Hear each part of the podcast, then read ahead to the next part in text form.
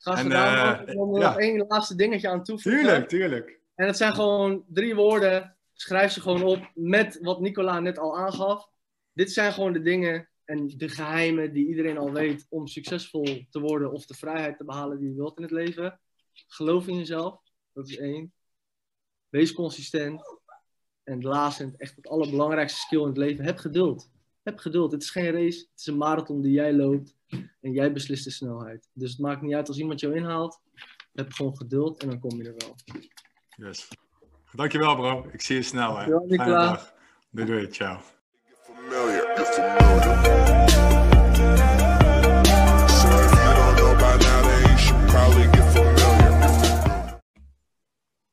Yes, Mina. Welkom bij mijn tweede podcast. Ehm, hartelijk dank voor je tijd sowieso natuurlijk. Eh, wie is, is Mina? Ik zal hem kort even voorstellen. Hij is naast eh, een zakelijke businesspartner van mij, gewoon in het algemeen, ook gewoon een vriend van mij geworden. En wij zijn ooit begonnen, volgens mij begin 2019, met accountability calls. En met een grotere groep, eh, waar we elke week elkaar ook accountable hebben gehouden voor onze doelen en, en waar we naartoe streven. Ja. Maar ik kan natuurlijk wel een heel verhaal over Mina gaan houden, wat ik heel graag doe. Omdat het een goede vriend van mij is en ik veel van, van hem weet.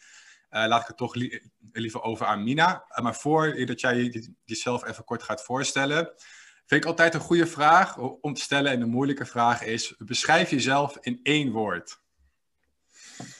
Beschrijf Mina in één woord. Eén Determinated.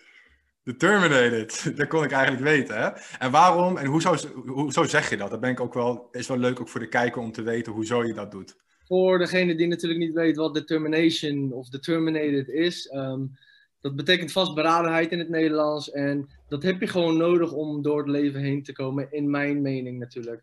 Je, je hebt gewoon natuurlijk allemaal doelen die je wilt bereiken. En zonder, zonder de wil echt om het te bereiken, kom je er ook gewoon niet. Naast natuurlijk geduld hebben, consistentie. En eh, mijn Instagram naam was een tijd geleden gewoon mijn eigen naam. Maar ik was mijn brand aan het opzetten en ik was een naam aan het op zoek naar een naam. Dus na een dag, ik, ik kwam Determination kwam ik zo vaak tegen. Ik kwam het tegen in een podcast die ik aan het luisteren was, in een boek die ik ging lezen, op, op social media, zelfs op bol.com kwam ik soortgelijke dingen tegen. En het was echt de of Attraction die meewerkte. En ik dacht, hey, Ja. Determination, Mina, mijn, mijn naam zit in het woord. Ik ben echt determined sinds ik ben begonnen met e-commerce, met de online business twee jaar geleden. En eh, Ja. ik dacht, dit is een perfecte naam voor mij eh, die echt toepasselijk is. Ja, mooi man. Ja, ik ken, eh, ik ken natuurlijk al hè, je, Instagram en naam. Ik weet hier dat je daarin hebt veranderd. En, het past ook super mooi in je naam, de term Ja, Mina. Maar dan direct even waar je bego- begonnen bent. Die, want ik kan, ik kan me voorstellen dat die determination er eerst niet was. Je was Ja, natuurlijk ja. ooit op een plek waar je natuurlijk je misschien het gevoel had dat, dat je vast zat in het leven, dat je niet verder kon. En dan kan je mij iets meer vertellen over jouw eh, begin. Dus, voor de, dus de, de Mina voor de determination en, en, en hoe je zeg maar daar bent in over, overgelopen naar een determined iemand die daar- voor zijn doelen daar- nastreeft. Ik zal mijn best doen om het ook niet te lang te houden, om daar gewoon te zeggen. ja. Kijk, sowieso, mijn naam is Mina. Ik ben 28 jaar. Ik ben geboren in Irak. Ik ben gevlucht uit Irak toen ik drie jaar oud was. Het heeft drie jaar geduurd om naar Nederland te komen. Dus op mijn zesde leeftijd was ik in Nederland. Nou, we hebben een, eh, een anderhalf à twee jaar hebben we ongeveer zeven asielzoekerscentrums overgegaan om te kijken waar we nou uiteindelijk gaan wonen, noem het maar op. Nou, om het verhaal een beetje kort te maken, na zeven asielzoekerscentrums eh, hebben we een huisje gekregen in Rotterdam. Daar hebben we zes jaar gewoond. Toen zijn we verhuisd naar een klein dorpje in de buurt van Noordwijk aan Zee, Leiden. En ik was 10, 11 jaar toen we daarheen kwamen. Eh, we hadden nog steeds niet onze Nederlandse verblijfsvergunning, onze paspoort. Dus het was nog steeds niet zeker of we nou mochten blijven in Nederland of niet. Op mijn 14e, 15e kregen we het bericht dat we ook echt terug moesten naar Irak. Dat was echt de tijd dat het gewoon heel lastig was. En dat, dat, dat gewoon asielzoekers heel mo- moeilijk eigenlijk een, een Nederlands paspoort kregen. En ehm, ja, dat was natuurlijk heel naar op je 14e. Je, je woont in Nederland, je, je spreekt de taal eh, Ja. eindelijk goed. Je hebt vrienden om je heen en zo die je hebt leren kennen. Dus dan wil je eigenlijk niet snel weg. En mijn ouders die hadden een backup plan gemaakt om dan in plaats van naar Irak te gaan, om naar Amerika te gaan. Om daar naartoe te verhuizen, naar onze familie, want we hebben daar ook familie zitten. Maar dat zagen wij natuurlijk ook niet zitten, want ja, Amerika, noem het maar op. Nou, godzijdank is het natuurlijk gewoon goed gekomen. We hebben gewoon onze paspoort gekregen. Na 16 jaar in Nederland wonen hebben we eindelijk onze paspoort. En we wonen nu 21 jaar in Nederland. Dus het is niet eens zo heel lang geleden dat ik mijn paspoort heb, als ik er eigenlijk over nadenk. Maar 5, 6 jaartjes pas. Dat is ongelooflijk toch eigenlijk? Het Als is je eigenlijk, erover heel, het is eigenlijk heel ziek inderdaad, hoe het allemaal zo kan lopen. Want ja, op dat moment, ik voelde me zo kut natuurlijk. Ik was puber, huilen natuurlijk, vrienden die denken, oh Mina gaat weg, Mina gaat ons verlaten. Wij willen het natuurlijk ook niet. Dus uiteindelijk natuurlijk gewoon goed gekomen. Ehm, ik, eh, ik, ik ben eh, echt een harde werker geweest, al zeg ik het zelf. Eigenlijk heel mijn familie. En eh, ik heb eigenlijk alles een beetje over, overgenomen wat mijn vader altijd deed. Hij is altijd klusjesman geweest, automonteur. En ik hield daar altijd van. Eh, ik zat altijd op mijn achtste, achtste negende-jarige leeftijd met een lampje te schijnen toen hij rem aan het vervangen was en zo. En ik, ik hou gewoon van auto's. Ik ben er gek op. Dus Ja, ja. daar opleiding voor gaan volgen. Ik heb eh, zes jaar opleiding afgerond eh, tot, tot techni- technisch specialist in de auto's. Ehm, het doel was ook om uiteindelijk de APK-keurmeester te halen, maar ik heb gewerkt voor een werkgever, ehm, een Nederlandse werkgever waar ik ongeveer acht jaar heb gewerkt. Daarvoor heb ik in de bloemen gewerkt. Eh, ja, ik woonde natuurlijk in de Bollenstreek. Het staat allemaal in en al boeren en, en platteland. En ik heb vier jaar eigenlijk in de bloemen gewerkt vanaf mijn veertiende. En ik heb eigenlijk al vanaf, vanaf kleins af aan alles voor mezelf betaald. Dus de kleren die ik droeg, kocht ik zelf. De boeken die ik moest kopen voor school. Mijn ouders die hadden het natuurlijk niet zo goed. Die zitten op de uitkering. Dus Mhm. eigenlijk alles moesten we zelf gewoon betalen wat we eigenlijk zelf wouden. Dus vanaf veertiende altijd na school nog werken in de bloemen. Bollepellen, gladiolen trekken, noem het maar op en zo. En dat heb ik echt vier jaar gedaan. Daarnaast ben ik gaan werken in een snackbar. Ik heb gewoon in een snackbar gewerkt. Daar heb ik ook echt vijf jaar gewerkt. En daarna ben ik dus in de auto's gegaan. Ik heb opleiding gezocht, dus ik afgerond. En voor die opleiding moest ik dus ook een werk gaan vinden. En dat was best wel lastig. Ik heb echt vier maanden lang in, in de klas gezeten. Iedereen die had een school, of een, eh, een, een, een baan die ze moesten nemen, weet je wel. Want het was een BBL-opleiding. Iedereen had een baan, maar ik was de enige die geen baan had met nog een andere jongen. En geloof me, ik ben echt 30 dealers afgegaan in de hele omgeving Bollenstreek. Maar niemand die accepteerde mij gewoon om daar te gaan werken. Al was het gewoon om er een baan bij te nemen. Want je moest natuurlijk praktijktaken doen die je theorie moest leren. Maar op een of andere manier wouden ze me niet. En toen ging school dus voor mij zoeken. Toen hebben ze er eentje gevonden in Voorschoten. En daar mochte ik eigenlijk heen. Plus die jongen die ook geen baan had. Dus het was eigenlijk meteen een strijd tussen mij en hem. En, eh, ja, Mooi ik, ik, had meteen, ik had meteen erheen gegaan, meteen mijn best gedaan. En eh, ja, die gast die was dus minder goed dan wat ik had en zo. Dus ik heb uiteindelijk de baan gekregen. Daar was ik echt super blij mee. Ik heb er ongeveer vijf jaar gewerkt. Echt naar mijn zin gehad. Leuke collega's eh, leren kennen en zo. Veel geleerd in de auto's ook. Veel certificaten kunnen halen. Maar de laatste twee jaar was het echt met tegenzin gewoon erheen gaan. Mhm. Ondertussen had ik wel echt eh, de bollen heb ik opgezegd. De snackbar had ik daarna uiteindelijk ook opgezegd. Want ik had echt een, een tijd van vier maanden waar ik gewoon bij alle drie de banen werkte. Echt om gewoon lekker inkomen te creëren. En al vraag je me nu waar al dat geld is gebleven. Ik zou het echt niet eens weten. Zoveel gewerkt en ik weet niet eens waar het geld heen is. Maar ik, ik heb dus de laatste twee jaar echt met tegenzin gewerkt. Want mijn werkgever was gewoon best wel discriminerend. En het was gewoon altijd, altijd precies en opletten op de tijd. Als ik een minuutje te laat was, was het meteen Mina, je bent een minuut te laat. En eh, al ging ik einde van de dag door nog een half uur, dan hoorde je hem daar niks over zeggen, weet je wel. Mhm. En vooral ook omdat hij van die kleine stomme kutgeintjes maakt, weet je wel. Wat, wat gewoon betrekking heeft tot waar ik vandaan kom. Dat was, gewoon, dat was gewoon niet fijn. Dus ik ging gewoon met tegenzin naar werk. En ergens was ik gewoon op zoek naar iets anders. Ik wist gewoon, dit is niet wat ik wil. Dit is niet de Mina die ik wil zijn. Maar toch heb je gewoon je omgeving natuurlijk die ermee te maken heeft. Mijn ouders, mijn familie, mijn broers. Iedereen die zegt, ah, je zit goed, zekerheid is goed, weet je wel. Je verdient lekker geld per maand. Je klust er nog bij, zwart en zo in de auto's, weet je. Het is gewoon allemaal goed, joh. Je- er is niks beters wat je kan krijgen. En ja, soms leggen je omgeving die naam zo erg op dat je denkt dat dat ook de leven is die uiteindelijk voor jou bepaald is. Maar ik wist gewoon, er is meer wat ik kan bieden aan de wereld of, of meer wil zijn. En op dat moment wist ik nog niet precies wat het was. Ik wou natuurlijk ontslag nemen, maar ja, het was toch wel een stukje zekerheid wat, wat ik had voor inkomen. Ik ben ook op mijn achttiende al op mijn gaan wonen, omdat mijn ouders natuurlijk op de uitkering zitten. Als ik daar blijf en ik maak wit inkomen, trekken ze dat natuurlijk van hen af. Dus Ja. ik heb een tijd lang ergens ingeschreven gestaan waar ik niet eens woonde. En, en toen uiteindelijk vond ik dus een, een plekje in Voorhout waar ik dus kon wonen. Een kleine studio. Daar heb ik eh, ook een vijf jaar gewoond al vanaf mijn achttiende. En ja, het is toch een inkomen wat je nodig hebt om dat natuurlijk ook te Mm. kunnen leven. Totdat eigenlijk zomer 2016 mijn oom uit Amerika naar kwam. Hij kwam naar Nederland en eh, hij heeft een succesvolle bedrijf, een dealership in Detroit, een autobedrijf. En eh, ik heb hem eigenlijk ook precies verteld wat ik mijn ouders vertelde. En van mijn ouders kreeg ik als antwoord: nee, zekerheid is goed, blijf daar, alles is goed, weet je wel. En van mijn oom hoorde ik zijn antwoord en dat was: neem ontslag. Ja, dat was zijn precies. eerste antwoord. En dat was eigenlijk ook het antwoord die ik zocht van mijn ouders, maar ik niet kreeg, maar wel van mijn oom. En bij hem was het gewoon: neem ontslag. En ik wist eigenlijk al dat ik ontslag wou nemen, maar toen ik het hoorde van hem, dacht ik: oké, shit, weet je. Ik ga het gewoon doen. Ik moet Ja. het gewoon doen. Want dit is gewoon. Hier ga ik er dan gewoon echt achter komen wie ik wil zijn. Wat ik ga doen in het leven. Maar heel veel, heel veel, heel veel tussendoor, hè? Want je gaat nu, bijna naar dit, dit zeg maar online business, hè? Zie dat je bent overgestapt, maar er schoten me net een paar vragen te binnen die ik gewoon heel graag wil eh, dus stellen en ook voor, voor de kijkers belangrijk is, denk ik.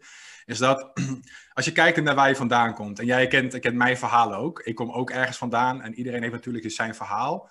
Ja. Wat ik in mijn omgeving zie, ehm, en het, is, het wordt vaak als een, als een cliché benoemd, maar ik vraag me echt, echt af of dat zo is en het is als volgt. Ik denk dat veel mensen, jonge mensen, oude mensen, die uit een plek van heel veel pijn komen, wat jij ook, ook hebt ervaren op jouw manier, en iedereen ervaart dat op zijn manier, maar laten we eerlijk zijn, dus sommige mensen komen gewoon van goede huizen, wat. waar niks mis mee is. Nee, nee, nee. Daar kan het kind ook niks er zelf aan doen. Eh, Het is gewoon een blessing. Je, het, is gewoon, het is gewoon ha- handig, het is fijn. Ja. Maar ik, ik zie bij jou een bepaalde drive en bij, bij mij een bepaalde de drive. En bij Vin de Center, jouw partner ook, die in de volgende podcast komt. Die, die komt ook ergens vandaan, van een, plek met heel veel pijn. Dat daar zo'n bepaalde drive uit, eh, uit voortkomt. Denk jij dat mensen die willen ondernemen en die van een plek van, die echt iets hebben meegemaakt, maar echt iets, iets zwaars hebben meegemaakt, dat die over het algemeen vaker kunnen slagen in, de, in deze reis van ondernemen? Of vind je dat, dat het gewoon een cliché is? Wat ik eigenlijk Nee hoor, zeker weten, zeker weten. Juist degenen die fucking veel problemen hebben gehad, die zo vaak zijn gevallen, maar toch weer zijn opgestaan, die hebben grotere kans om te slagen in het leven of succesvol te worden. Kijk, iedereen kan het, maar de mensen die echt al vaak dingen hebben meegemaakt, risico's hebben genomen, obstakels hebben gehad op hun pad en er natuurlijk over zijn heen zijn gekomen, die gaan het sneller redden dan bijvoorbeeld iemand die nog nooit een risico heeft genomen of überhaupt bang is om een kleiner risico te nemen of grote risico's. Net zoals dat ik ontslag ging nemen. Het was een huge risico. En naast mijn ouders had ik natuurlijk al mijn vrienden. Wat ga je doen? Mina is de cars freak, weet je wel. Eh, je bent altijd gek op auto's geweest. Waarom ga je stoppen, weet je wel? Eh, Ja. eh, het, was gewoon dat stukje dat iedereen toch denkt dat ze het beste voor je willen. Of denken in hun ogen of in hun mening dat dat het beste leven voor jou is. Maar ja, kijk, op dat moment wist ik het nog niet heel goed. Mijn mindset was niet zo heel sterk als nu. Maar nu denk ik er altijd aan van... Hoe, hoe, kun, hoe kan een ander persoon weten wat het beste is voor mij of voor jou? Ik juist. bedoel, hij, hij is mij niet. Er is maar één Mina. Oké, er zijn duizenden Mina's. Ik ken genoeg meisjes en jongens die ja. Maar ik ben Mina de Determinated. En er is er maar één van. En niemand kan bepalen wat het beste is voor mijn leven. En bij je ouders kan je het dan een beetje zo zien dat hun natuurlijk ook redelijk oud zijn. En hun hebben waarschijnlijk ook ooit doelen en dromen gehad die ze altijd waar wouden maken. En dan is dat misschien een reflectie die ze soms zien bij hun kinderen. Juist, dat ja. hopen dat hun kinderen dat kunnen doen, omdat hun dat nog Ja. nooit hebben gedaan. En Ja. dat is eigenlijk heel slecht. Dat, dat hoort niet, weet je. Je kind hoort te doen waar hij van houdt, wat hij wilt. En niet wat jij ooit had willen doen, wat je nu eigenlijk niet meer doet of hebt gedaan. Ja. ja, ik denk dat het ook gewoon iets is, want ik heb het ook meegemaakt met mijn vader. Mijn, mijn vader heeft nooit school afgemaakt en die zei toen ik eh 14 was en toen, en toen stotterde ik superveel. Dat was echt als grappig als ik erover terugdenk. En toen zei hij van, ja, word, word gewoon advocaat, dat is een echt beroep. En ik zo, ik zo ja, ja, ja, ja, ik ga advocaat worden, weet je wel. Helemaal, helemaal stotterend en ik helemaal geloven dat het kon en zo. Terwijl het gewoon belachelijk is, snap je? Terwijl, natuurlijk, natuurlijk kan het wel. Je kan wel, wel stotterend een advocaat zijn. Dat was ook een beetje een grapje. Maar in de zin van, ik ging zo in zijn, in zijn droom geloven. En zo denk ik van, ja, ik, ik, ben gemaakt voor de, voor de rechtenstudie. Ik word rechter, Ja, ik, ja, ik word advocaat. En toen zat ik een jaar eh, bij rechten. En je weet hoe ik ben, Mina. Grapjes maken, sociaal, luidruchtig, eigenlijk altijd.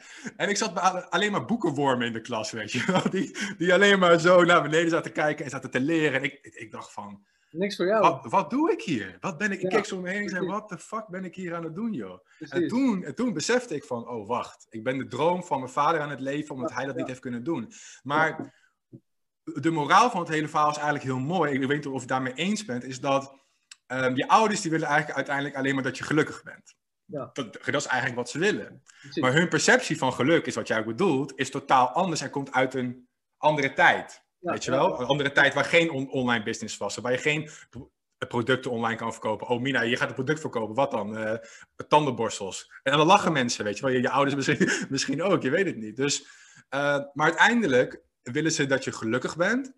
En als jij laat zien waar je echt gelukkiger van wordt, dan gaan zij het ook zien. En dan zijn ze uiteindelijk gelukkig. En Ja. ze gunnen juist jouw gelukken. Maar soms hebben ze denk ik niet, niet door echt wat jou, wat jou gelukkig maakt. Omdat ze niet te kunnen kijken in je hoofd. Maar dat is Ja. eigenlijk wat jij bedoelt, toch? Ja, ja, zeker weten. En soms duurt het Ja. gewoon even ook voordat ze die geluk in jou zien. In het begin Juist. is het altijd denken van, weet je, die twijfels en zo, moet je toch niet weer even in de auto's gaan of toch weer dit Ja. of toch weer dat, weet je. Ja. Maar naarmate ze het gewoon zien dat je er gewoon echt ja, succesvol mee aan het worden bent, dan gaan ze erin geloven. En dan gaan ze natuurlijk ook de anderen in hun omgeving eventueel er ook in meenemen. Ja, ja duidelijk. Oké, maar nu, eh, toen, toen kwam je op, in één keer Charouan natuurlijk tegen. We, wij zijn allebei eh, bij zijn cursus erin, ge- erin gestapt. Hè. Dat was eigenlijk de eerste kennismaking van Ja. online business. Ja. En ik weet nog heel goed, toen jij natuurlijk inkwam, ik, ik reageerde, we gingen callen, maar nu even terug. Hoe ging het je van, dus je, je oom zei, neem ontslag. Mhm. Maar hoe lang duurde het dan voordat je bij dat hele online business kwam? Was dat heel snel daarna of duurde dat nog een jaar? Of, of... Dat was niet heel snel inderdaad. Ik nam dus ontslag eh, juni 2016. Ik had een maand opzegtermijn, nou die maand uitgewerkt. En ik moet ook gewoon bij zeggen, de laatste anderhalf ah, jaartje heb ik ook gewoon niet mijn werk goed gedaan. Expres Mm. gewoon om mijn werkgever een beetje te jennen. op de hoop dat hij me zou ontslaan, weet je wel. Gewoon blokken in Ja. elkaar laten draaien. En in plaats van- een half uur gewoon twee uur erover doen en zo, weet je wel. Lekker voor hem extra kosten erop draaien. Want ja, hij heeft me zo vaak gediscrimineerd. Ik ga er gewoon iets, iets van terug doen.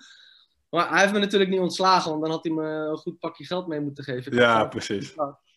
Dus Ja. ik heb gewoon zelf ontslag genomen, eh, een maandje uitgewerkt en ik ben 1 augustus volgens mij na de zomervakantie ben ik gewoon meteen vertrokken. Ehm, ik ben naar Detroit gegaan. Ik had gewoon een enkeltje reis, reisje geboekt. Ik had mijn werkvisum al geregeld, die, die was klaar. En ehm, kijk, in die tussentijd had ik ook gewoon nog een relatie met, een vriendin waar ik al een tijd mee was. Dus voor, dat was ook best wel moeilijk, weet je wel, om haar te vertellen dat ik gewoon er vandoor ga ineens. Nou, eerst snapte ze het niet, toen begreep ze het gewoon waarom ik het deed. En we hebben gewoon contact gehouden natuurlijk toen ik daar bleef. Maar vanaf dat moment leerde ik al eigenlijk een beetje van mijn oom dat zijn mindset echt veel sterker is dan bijvoorbeeld die van mijn ouders. Mijn ouders die zouden zoiets nooit zeggen van neem ontslag, weet je wel. En ik weet waar hij vandaan komt. Hij is op zijn achttiende Irak ook gevlucht. Hij heeft een, eh, een jaartje in Duitsland gezeten wat niks werd. Toen is hij een jaartje in Nederland geweest wat ook niks werd. En toen is hij gewoon naar Amerika gegaan. En daar heeft hij eigenlijk alles wat hij nu heeft, heeft hij opgebouwd van scratch. Gewoon Ja. alleen. Dus hij is gewoon de self-made entrepreneur, zou je kunnen zeggen. Met een fucking sterke mindset gewoon. En ik heb daar een eh, jaar en vier maanden gezeten in Amerika. Ik heb daar echt zoveel geleerd gewoon. Ik heb daar niet in de auto's gezeten qua sleutelen, want hij deed ook onderhoud reparatie. Maar ik ging me echt meer focussen op finance, sales, auto's verkopen, leads eh, genereren voor zijn bedrijf, weet je wel. Om ervoor te zorgen dat we natuurlijk gewoon veel auto's verkopen. En eigenlijk nadat mijn visum dus verlopen werd, kwam ik weer terug.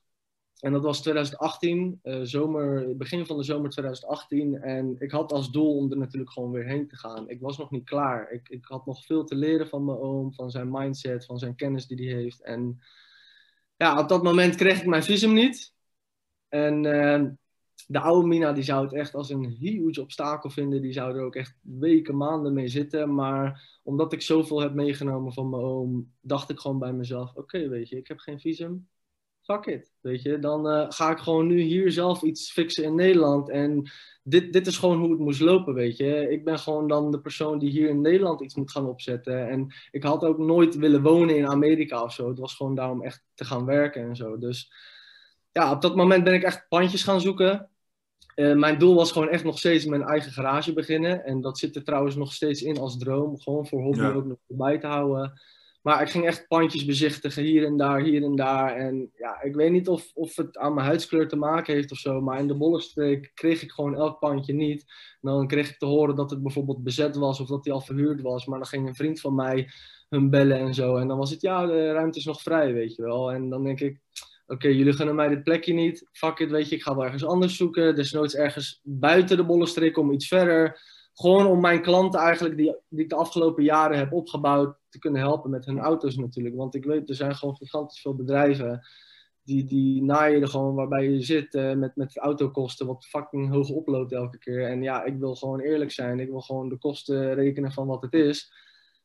Maar lastig, pandje zoeken, vinden, regels die er natuurlijk bij komen kijken. ja, ja. Bes- Bedrijfsplan, bestemmingsplan. eh, je moet natuurlijk bruggen, APK, alle regels die erbij komen kijken. Dus ik ging gewoon een beetje online zoeken naar hoe ga ik nou online geld verdienen. En ja, voor je het weet kwam ik Jan natuurlijk elke dag tegen.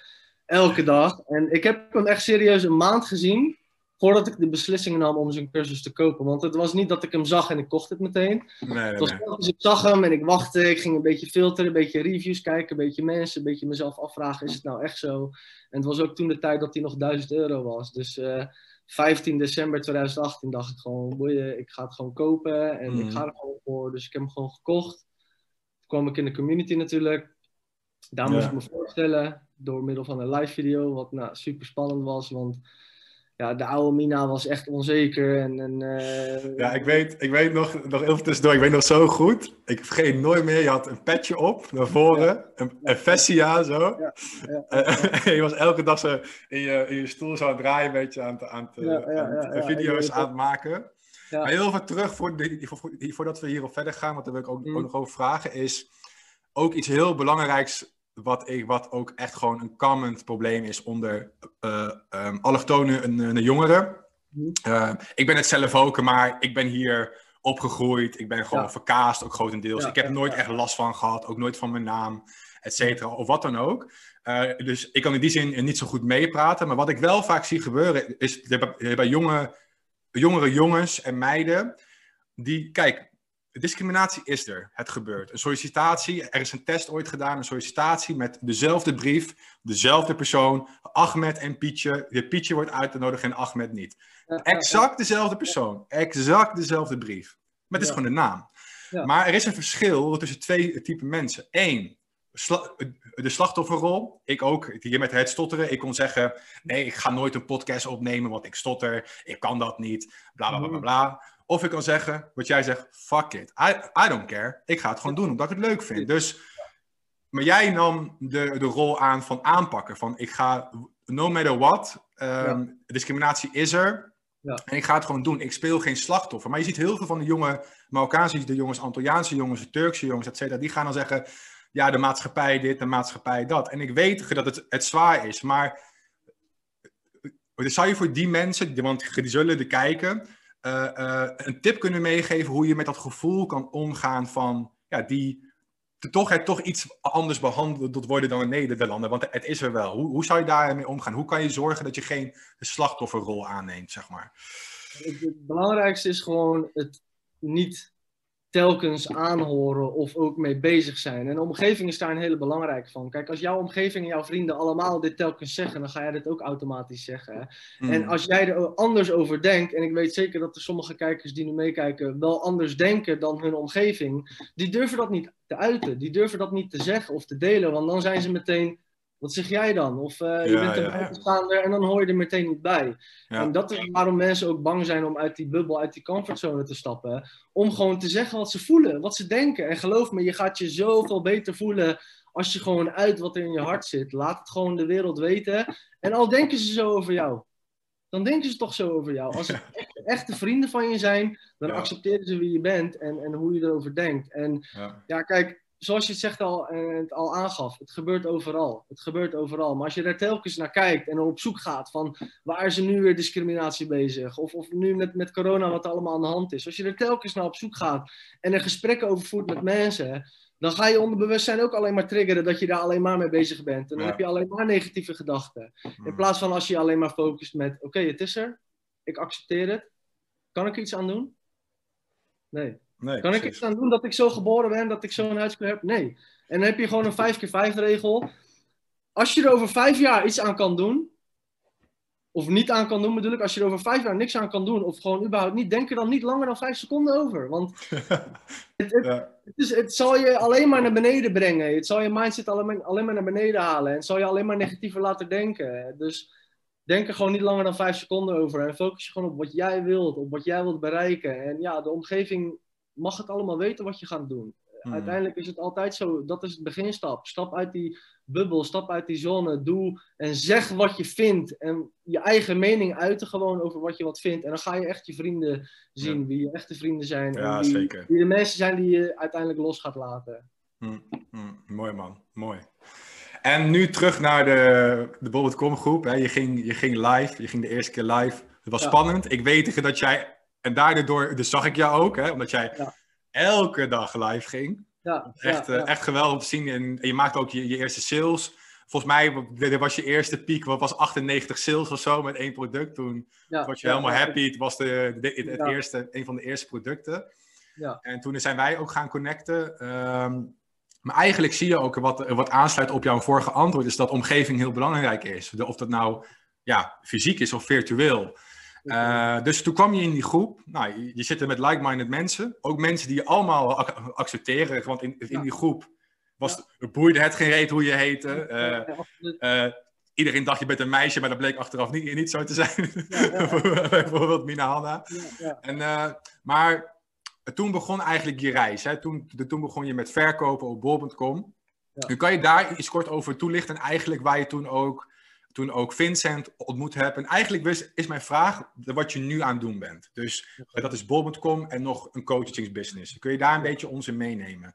Ja, ja, ja. Ik kwam dus in de community, daar ben ik Ja. jou natuurlijk tegengekomen. En eigenlijk het eerste wat ik dus toen deed is... Ik was natuurlijk bezig met motivational eh podcasten, speakers, allemaal luisteren en zo. En ik kwam eigenlijk op Jim Rohn uit. Dat is de mentor ook geweest van Tony Robbins, een van de founders van Herbalife. En ja, was aan het luisteren naar een van zijn filmpjes op YouTube en het was gewoon bij mij... Wat? Oké, weet je wel. En ik heb dat filmpje volgens mij echt twintig keer bekeken. En dat, dat zorgde er eigenlijk ook voor dat ik die determination een beetje kreeg, weet je wel. Dat, dat ik gewoon, ik wou mezelf uitdagen om dingen te doen die ik nooit had gedaan. Zoals elke dag live. En ik werd wakker en was ik ga elke dag live. En dat heeft ook voor gezorgd dat ik, ja, dat veel mensen mij een beetje kenden in die community. Ik ging eh, over de 100 video's heb ik dan live eh, ben ik gegaan. Ik deelde waarden, ik hielp iedereen. En nou, toen, toen, toen dat een beetje begon natuurlijk kwam er een eerste meetup. Nou, ook spannend om naar een eerste meetup te gaan waar je mensen eigenlijk ook niet kent en zo. Vooral maar alleen heen te gaan. Nou, ik ben er toch heen geweest en zo. Veel mensen leren kennen. Meteen een groepje gevormd. Een soort van accountability groepje waar we elkaar accountable kunnen houden en mee kunnen callen. Sommigen ook die in de omgeving woonden. En zo zijn we eigenlijk een beetje onze eerste mastermind sessie fysiek gestart. Zonder dat we eigenlijk wisten dat het een soort van mastermind Ja. was deden we die mastermind, dat deden we wekelijks en zo. Naarmate we er veel meer in gingen verdiepen en veel meer mensen er eigenlijk ook mee, mee wouden komen. Want ze zagen telkens op onze social media van oké, we zijn altijd van die kleine meetups aan het houden en zo. Om over doelen te bespreken, over obstakels, elkaar te helpen eigenlijk. Nou, zo zijn we dus een beetje de Mindmaster Academy begonnen met een klein groepje. En eh, dat was een groepje van eh, negen man. Uh, uiteindelijk heb ik op een dag uh, Vincent uitgenodigd om ook te joinen natuurlijk. Ik ken Vincent van de Tribe. Hij uh, was natuurlijk een coach daar en ja, had ook gewoon super mooie resultaten. Ook gewoon het verhaal van waar hij vandaan komt en hoe die nu natuurlijk staat is gewoon ja, heel, heel mooi om te zien Ja, hoe, zo is gegroeid.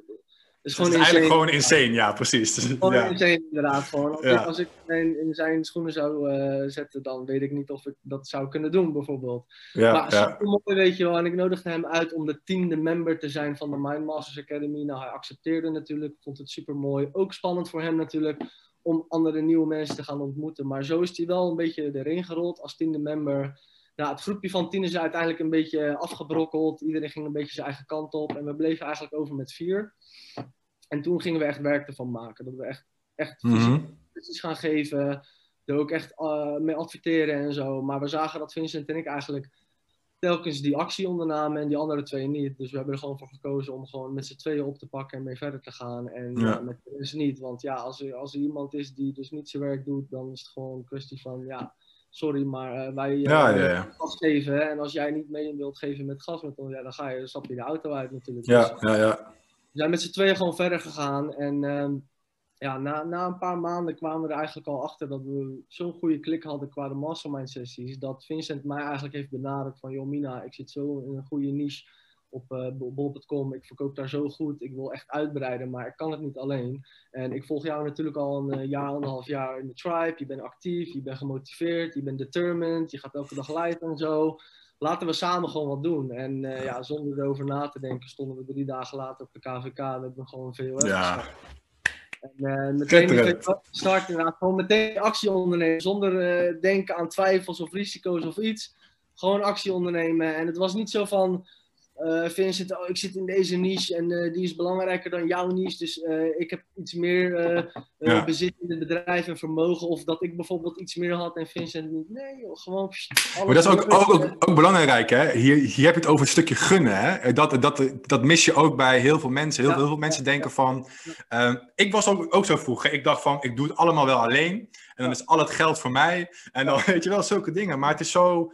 zo um, ja, een limited belief kun je het eigenlijk ja, bijna noemen. Ja, dus, uh... zeker, zeker, weten. Kijk, ja. de laatste maand dat, dat we eigenlijk alleen apart werkten, want we hadden apart onze stores en toen ook natuurlijk onze nieuwe VOF.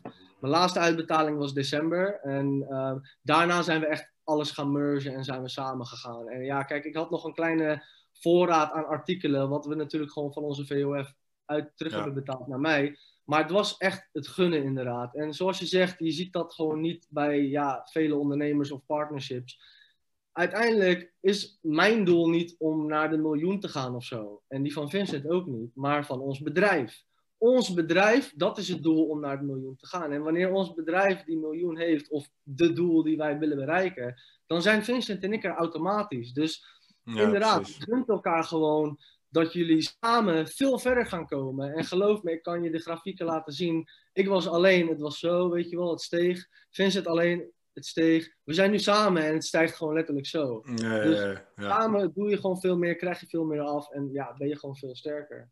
Ja, ja, ja, ja. En als je heel veel voor de, voor de kijkers, hè, net had, had Mina het over uh, uh, uh, Tribe. dat is eigenlijk de groep van de Bolbot cursus waar Vincent ook in zat. Waar ze elkaar hebben gevonden.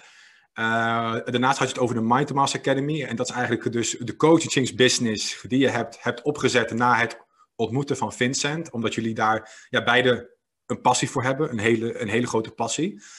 Um, dan kun je me uitleggen uh, de, waar die passie vandaan komt, één. En twee, wat je precies met de coachingsbusiness doet. Want de coaching kan op alle vlakken zijn, dus snap je? Dus, dus één, de, waar komt die passie voor coaching vandaan om, om andere mensen te helpen?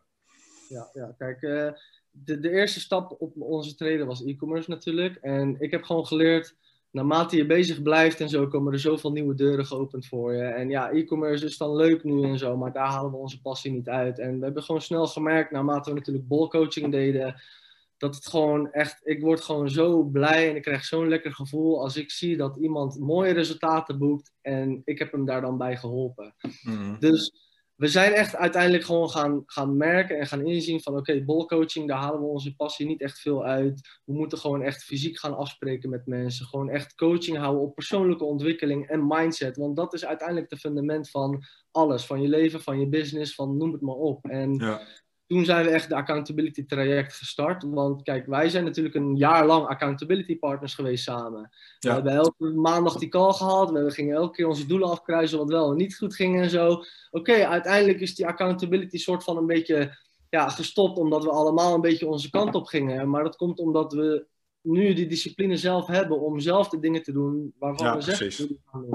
Maar zo zijn er heel veel mensen die dat niet hebben. Die hebben die discipline niet. Oké, ja, je koopt een cursus, je moet alsnog al die video's bekijken, weet je. Dus die discipline hebben om zelf echt te doen wat je zegt dat je gaat doen. En om het niet uit te stellen, want heel veel hebben echt last van uitstelgedrag. En die denken, ah, het komt wel goed, het komt wel wanneer het komt. Nee, het komt wanneer je actie onderneemt. En als je geen actie onderneemt, ja, dan gaat er ook niks komen uiteindelijk. Dus zo zijn we echt het accountability traject gestart. Mijn eerste was vorig jaar december. En dat was ook een beetje een mix van persoonlijke ontwikkeling, maar ook bol. Kijk, als, als we een ondernemer hebben die bol doet, kunnen we dat natuurlijk meenemen in het traject. En zo gaan we eigenlijk van start met tien woorden. We starten gewoon met tien simpele woorden. En daar geef jij gewoon een cijfer aan, de kwaliteit van jouw leven. En aan de hand van die cijfer bepalen wij al meteen van oké, hier moeten we aan werken en dit is waar we naartoe willen streven. Een het traject is voor minimum 90 dagen. Dus we zetten een doel voor het einde van de 90 dagen. En daar werken we naartoe door middel van wekelijks een call te houden. Ja, we zien gewoon dat deelnemers gigantisch mooie resultaten boeken. Omdat wij hun accountable houden. Kijk, jij kan jezelf accountable houden, maar je kan jezelf ook voor gek houden. Ik ga morgen sporten en dan is het morgen. Ja, zeker. Ik ga zeker. morgen wel. En dan zeg ik wel tegen mezelf dat ik het heb gedaan, weet je. Maar dan hou je jezelf voor de gek natuurlijk. Ja. Dus het accountability traject heeft me gewoon echt geleerd dat het anderen helpen echt... Ik, ik kan daar zo gelukkig om worden, ik kan daar zo blij om worden. En ik, ik word ook gewoon elke dag wakker om mensen te inspireren, om te doen wat hun uiteindelijk inspireert. Om te doen Mhm. wat hun uiteindelijk willen, wat hun hartje begeert, wat hun dromen zijn, wat ze willen bereiken. En daar word ik gewoon super blij van. En ja, ik haal daar gewoon echt mijn passie uit. En overigens ook meer motivatie. Ik krijg er veel energie van om het natuurlijk nog te blijven doen. Mm. Om zoveel mogelijk anderen hierbij te helpen natuurlijk.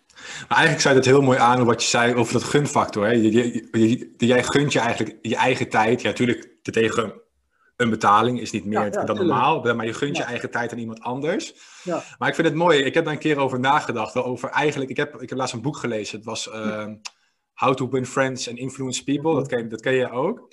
ja. En er stond een hoofdstuk in. Of het is een ander boek. Ik twijfel even.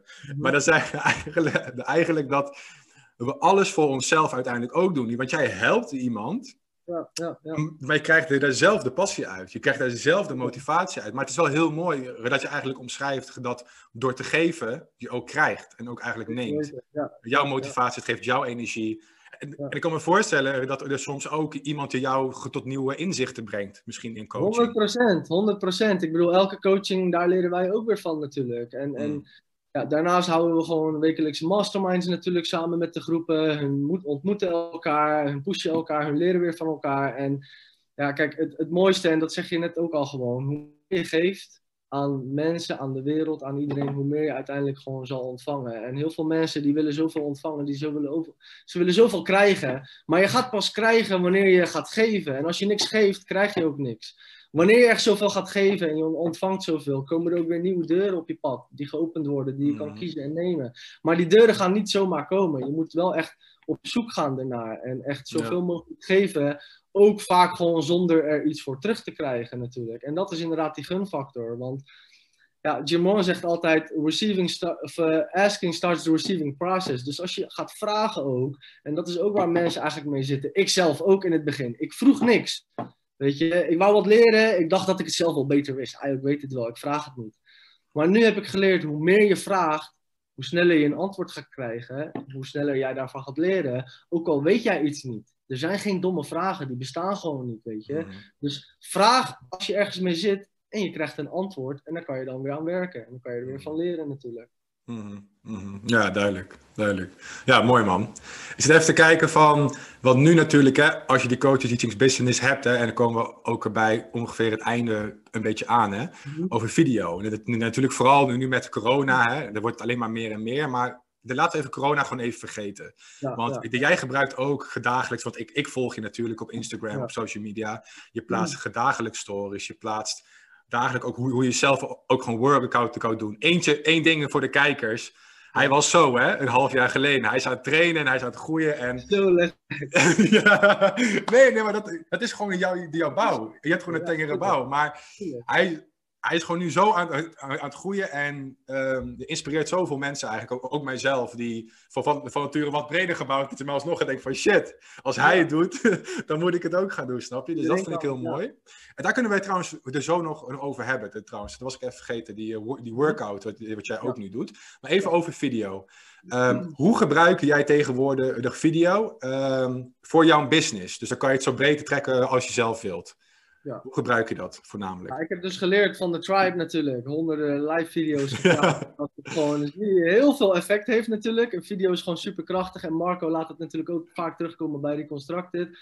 Het is gewoon zo krachtig wat je kan meegeven in een video. En daar heb ik gewoon echt van geleerd toen ik in de community zo vaak live ging. En dat heeft echt voor mij gezorgd dat, dat dit ook gewoon iets voor mij is. Ik ben gewoon echt van de video's. Al zou je het Vincent vragen, is hij meer van de posts Ja, klopt. schrijven. Ja, voor mij was het in het begin ook heel moeilijk. Maar je wordt er gewoon steeds beter in als je het vaker doet. Als je er consistent in bent. En ik heb dan nu voor mezelf op social media gewoon een soort van stappenplan gecreëerd waar ik mee bezig ben. En ik ben echt van plan om dan gewoon dagelijks te posten. En dan is het door middel van een foto met een quote. een foto met mezelf erop, een video van ongeveer vijf minuten over een bepaald onderwerp, bijvoorbeeld negativiteit, comfortzone, noem het maar op. En dan is dat voor social media, voor, voor Instagram, maar ik ga het ook echt meenemen in TikTok. Ik weet dat Marco natuurlijk ook heel actief is op TikTok. Dat ik ook zulke korte 15 seconden filmpjes meeneem op TikTok. En ehm, ja, einde, uiteindelijk natuurlijk ook overgaan naar YouTube. Voor YouTube ben ik nog een beetje aan het kijken hoe ik het een beetje ga doen. Of het ook korte video's zijn of lange video's. Ik eh, ben ook een samenwerking aangegaan met... eh, met Molla en, en eh, Gaia. Daar gaan we samen ook een soort van talkshow, podcast eh, eh, organiseren. Waar we eigenlijk net van, van de grond af is. Dus dat komt er natuurlijk ook bij. Maar daarnaast blijf ik me wel echt focussen op, op de, de content posten op social media. En dan is mijn doel gewoon één iemand inspireren. Kijk, met je video, je hoeft maar één iemand te inspireren die, die doet wat je uiteindelijk zegt in de video. Of die gaat na zitten denken van oké, hij heeft eigenlijk gelijk. Ik moet nu iets aan mijn leven veranderen. Dan, dan voel ik me al echt heel goed. Dan ben ik blessed. En Ja. je zal, je zal er natuurlijk meer dan eentje inspireren, maar het doel van jouw video, als je er maar eentje inspireert, is dat al genoeg. En heel veel mensen zijn dan natuurlijk bang om die stap te nemen, om een video op te nemen, om het überhaupt te posten. Wat vinden mensen van mijn video? Hoe zie ik eruit? Wat zeg ik? Ah, dit, dit is niet goed, zus en zo. Maar daar moet je niet naar opletten, daar moet je niet naar kijken. Doe het gewoon vaker. Oefen het gewoon genoeg en dan ga je er steeds beter in worden. Je gaat steeds zelf, zelfverzekerder worden, jezelf geloven, meer vertrouwen krijgen. En dan gaat het uiteindelijk allemaal ook gewoon heel goed. Dus Ehm, als, je, als je nu op mijn social media kijkt, je ziet dat er natuurlijk niet heel veel zal je niet terugvinden. Maar dat komt omdat ik nu echt alleen maar opnames aan het maken ben. En dan ben ik ze echt aan het schedulen voor een maand om er zo gedurende elke keer te blijven posten. En dat ik altijd vooruit kan kijken naar een maand ongeveer. Ja, ja, ja.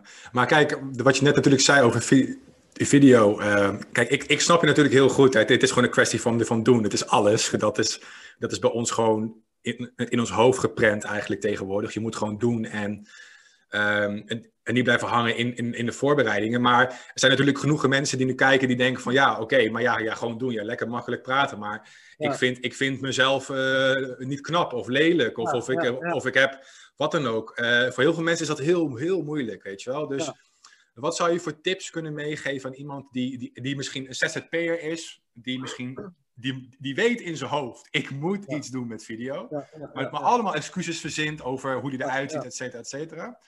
Wat, wat, zijn, wat, is, wat zijn een paar tips die iemand, iemand kan meegeven, behalve doe het gewoon, want dat is eigenlijk wat we willen zeggen, stiekem, gewoon ga het gewoon doen, punt. Mhm, Maar mhm. wat zijn er nog tips die je kan meegeven om te starten? Eh, start klein, start daar, start dit. Of, wat ja, zijn tips? Gewoon algemene tipjes. Als eerst, jij bent wie je bent. Er is niet iemand anders die iemand anders is. Daar hebben we het net al over gehad. Dus dat iemand jou lelijk vindt. Superman, dankjewel. ja, precies ik, vind man. jou, ik vind jou super knap. Weet je, iemand geeft jou negativiteit, jij geeft hem positiviteit en liefde terug. Daardoor ga je ook gewoon veel meer in jezelf geloven. Dus begin gewoon met het in jezelf geloven. Jij bent gewoon wie je nu bent. Je kan niks veranderen aan hoe je zo bent ontstaan. Het was een, een seconde later had je hier misschien niet eens geweest. Dus wees dankbaar dat je überhaupt leeft en elke dag opstaat. Ja. En oké, video's, het is spannend. Het is, het is heel eng en zo. Vroeger stond ik ook heel eng te stotteren voor de spreekbeurt en zo. Omdat ik het ook gewoon eng vond, weet je. Maar mijn doel is ook gewoon voor duizenden mensen te spreken. En ik weet dat video's daar heel, heel, zal, heel goed zal, in zal gaan helpen, weet je. En Ja. uiteindelijk moet je het gewoon gaan doen om te oefenen natuurlijk. Nou, vraag jezelf altijd af, hè. Je gaat een video opnemen. Oké, ik kan haatreacties krijgen van mensen. Van, oh, je ziet er niet uit. Oh, je stottert. Oh, je zei de. Het moet het zijn of een. Who cares? Weet je, who cares dat je die spellingsfouten maakt? Of dat je, eh, weet ik veel, eh, ik had een keer een reactie gehad, eh, je aquarium is vies. Oké, weet je, leuk. Dat is één, weet je. Scheid hebben eigenlijk aan anderen van je denken. En geloof me, wanneer je dat, dat stukje gewoon echt beheerst, dat je gewoon niet boeit van wat andere mensen van je denken, dan ga je echt gelukkig leven. Twee, wat is het ergste wat er kan gebeuren als je een filmpje post? Je hebt je mond, je hebt je tong nog, je kan nog praten, je hebt je handen, je hebt je benen. Weet je, die raak je niet kwijt of zo door één filmpje te posten. Ja. En het derde, weten dat je echt genoeg mensen zal bereiken met jouw filmpje, die geïnspireerd gaan raken, die misschien hetgene wat jij in je filmpje vertelt gaan overnemen in hun dagelijkse leven. En misschien uiteindelijk een, een eh, potentiële klant die bij jou je product of service gaat eh, afnemen, weet je wel. Dus ik weet dat het lastig is, maar neem deze dingen gewoon mee en ja, laat jezelf gewoon altijd inzien dat een video plaatsen niet zo heel spannend hoeft te zijn. Mhm. Maar eigenlijk begint alles, dat is eigenlijk wel echt zo, want, daarom vraag ik het ook. Omdat, ehm, ik weet niet wie dat tegen mij zei, maar je kunt, je kunt niet, je moet eerst jezelf de fixen voordat je een business fixt of iets anders fixt. Ja, ja, En heel veel mensen die gaan iets beginnen en die hebben zichzelf gewoon niet gefixt. Die, die zitten met dingen die, waar- waardoor ze eigenlijk niet, niet zen zijn. En waar jij het over hebt is dat zen zijn begint eigenlijk bij, bij zelfacceptatie. Van, van jezelf houden, zelfliefde. Ehm, en dan ga je ook denken van fuck it, ik ga video's maken. Want vroeger, een voorbeeld van mijzelf, toen ik heel veel stotterde. Ehm, ik kon soms niet in de spiegel kijken. Gewoon zo erg haat ik mezelf gewoon. Ja, ja, Echt letterlijk, ik haatte echt mezelf. Dat kunnen we niet, eventueel heel veel mensen die kijken niet, niet, voor, niet voorstellen nu, die van kijken nu zitten zelfverzekerd, maar ik haatte mezelf. Ik dacht echt van, ik was ongelukkig, ik hield niet van mezelf, alles was kut, iedereen was kut. Het was ik tegen de wereld en als het ik tegen de wereld is, ligt het meestal bij jezelf. Ja, ja, zeker. Als je dat gevoel hebt, zeg maar. Ja, 100%. En het is, het is, iedereen ervaart het wel, weet je. Dat je niet in jezelf gelooft, dat je jezelf lelijk vindt, dat je jezelf altijd afvraagt wat andere mensen van je denken of wat van je vinden, wat, van wat je hebt gezegd. Maar ik zeg altijd, als jij niet in jezelf gelooft, wie moet het dan doen? Juist. En ik geloof, Nicola, dat jij succesvol gaat worden. Net zoals dat jij gelooft dat ik dat ga worden. Ik geloof ook dat jij de kijker, dat jij de kijker ook succesvol gaat worden. Ik geloof in jou. Maar nu Ja. moet jij het nog doen. Weet Precies. je, want ik kan het wel voor je doen, maar jij moet ook gewoon in jezelf geloven. En als je, Ja. als je daarmee start en van jezelf houden, meer zelfrespect voor jezelf tonen, Ja. gewoon wat je doet, meer jezelf disciplineren, meer jezelf beter willen maken en zo. Want vraag jezelf gewoon altijd af waarom. Weet je, Mhm. waarom niet beter zijn? Waarom niet van mezelf houden? Waarom niet in mezelf geloven? Of waarom niet? Waarom niet Ja. in mezelf geloven? Waarom niet van mezelf houden? Ja, ja, En waarom nu niet? ja, precies. Waarom nu niet? Waarom jij niet? Waarom nu niet? Weet je? Ja.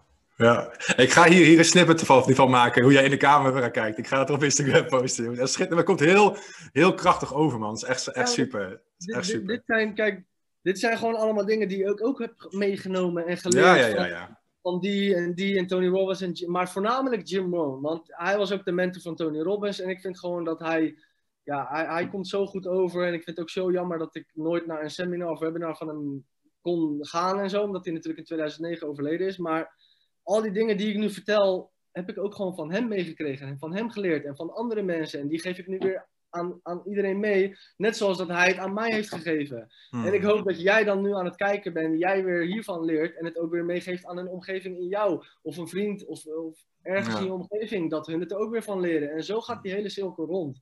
Wij zijn nu gewoon de nieuwe generatie die een beetje mensen laten inzien en laten nadenken van... Wat ben je in je leven aan het doen? Wat ben je aan het Juist. doen? Waarom ben je Juist. dit aan het doen? Waarom niet? Waarom ben je het niet aan het doen? En waarom nu niet? Waarom start je nu gewoon niet in wat je wil zijn en wat je wil doen en wat je wil bereiken? En blijf je maar uitstellen, uitstellen, uitstellen. Want van uitstellen gaat niks komen natuurlijk. Ja, precies. Hey, om, om, het, om, het, om het af te sluiten, hè, je, je hebt over natuurlijk een gezonde mindset. Maar het gaat natuurlijk gepaard met een ge- gezonde fysieke de toestand. En je doet ook ehm eh, out-workouts, als, ik het, als ik het goed zeg.